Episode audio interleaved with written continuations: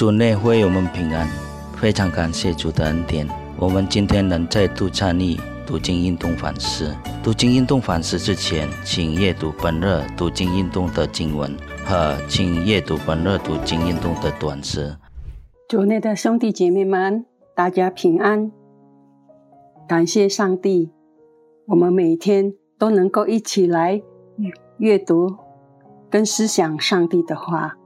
让我们每天不断的努力。我们每天都读圣经，一天一章，生命发光。在没有开始之前，我们先低头祷告。主耶稣基督，我们要献上我们的感恩，因为你的眷顾、你的带领，让我们都能够每天感受到。感谢你再一次。给我们这个美好的时间，能够一起来领受、学习你的话语。求主祝福我们每一个人。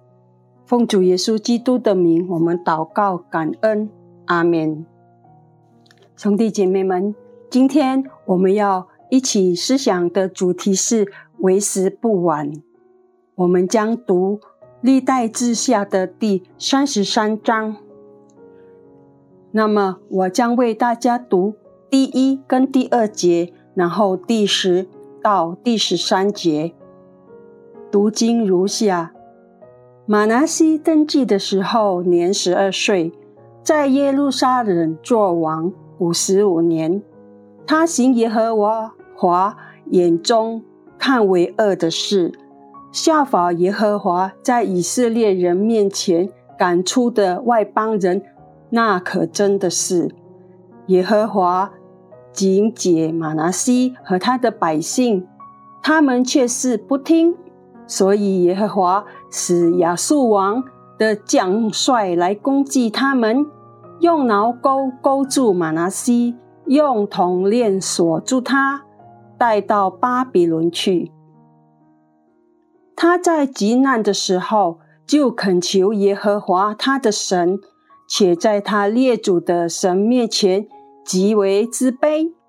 他祈祷耶和华，耶和华就应准他的祈求，垂听他的祷告，使他归回耶路撒冷，荣作寡位。马拿西这才知道，唯独耶和华是神。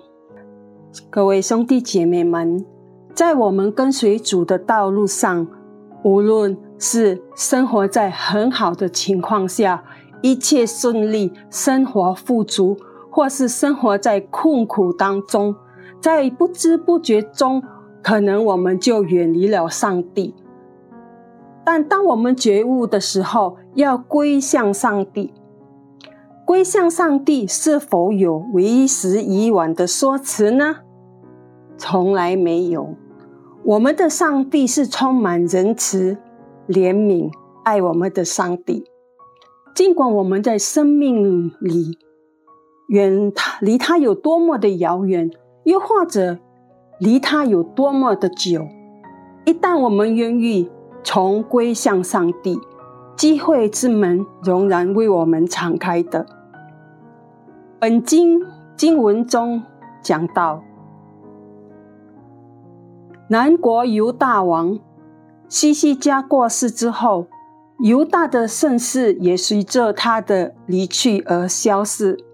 因为西西家的儿子马拿西虽然继承了王位，却没有继承他父亲西西家爱上帝的心，反而随从了别的偶像，做了很多在上帝眼中邪恶和可憎的事。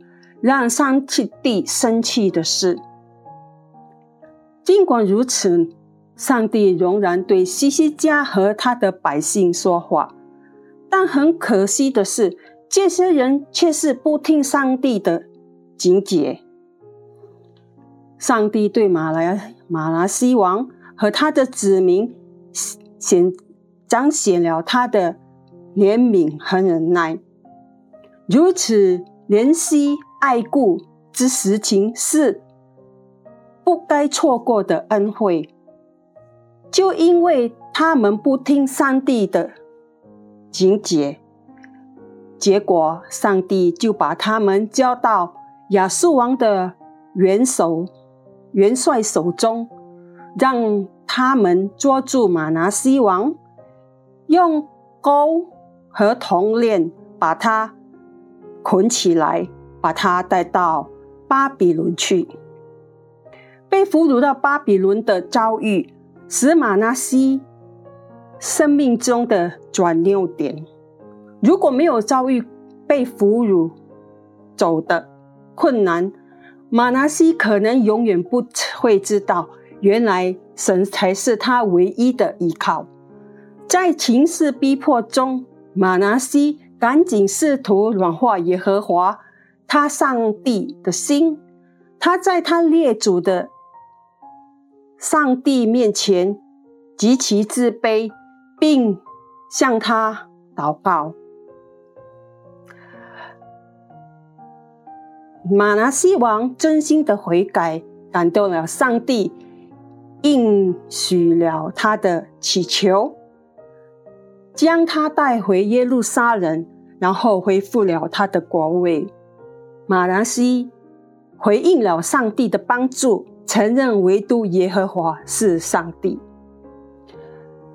希伯来文在此翻译承认，按照字面上是知道或是认识。很明显，此事之前，马拿西个人并未认识上帝。试想，西西家他的父亲一生如此的敬畏上帝，这该是件多么不幸的事啊！马拿西身上所发生的变化，表明了一个人对上帝的认识，并非会自动传给他的子孙。应该尽早教导孩子亲自认识上帝。亲自认识上帝，意味着悔改并远离罪恶。我们若不悔改，离开罪。就不可能认识上帝。亲爱的兄弟姐妹们，今天你是否已经真正的悔改，并亲自认识上帝呢？如果还没有，趁着上帝还给你我这个机会，为时不晚，我们赶快悔改吧。我们祷告，亲爱主，感谢你的话语，感谢你的慈爱。感谢你如此的爱我们，无论在我们的旅途中，有很多时候我们都离开了你，远离了你。可是上帝，当我们要归向你、归回你的时候，你依然接受我们。感谢你的恩典，感谢你，奉主耶稣基督的名，我们祷告感恩，阿门。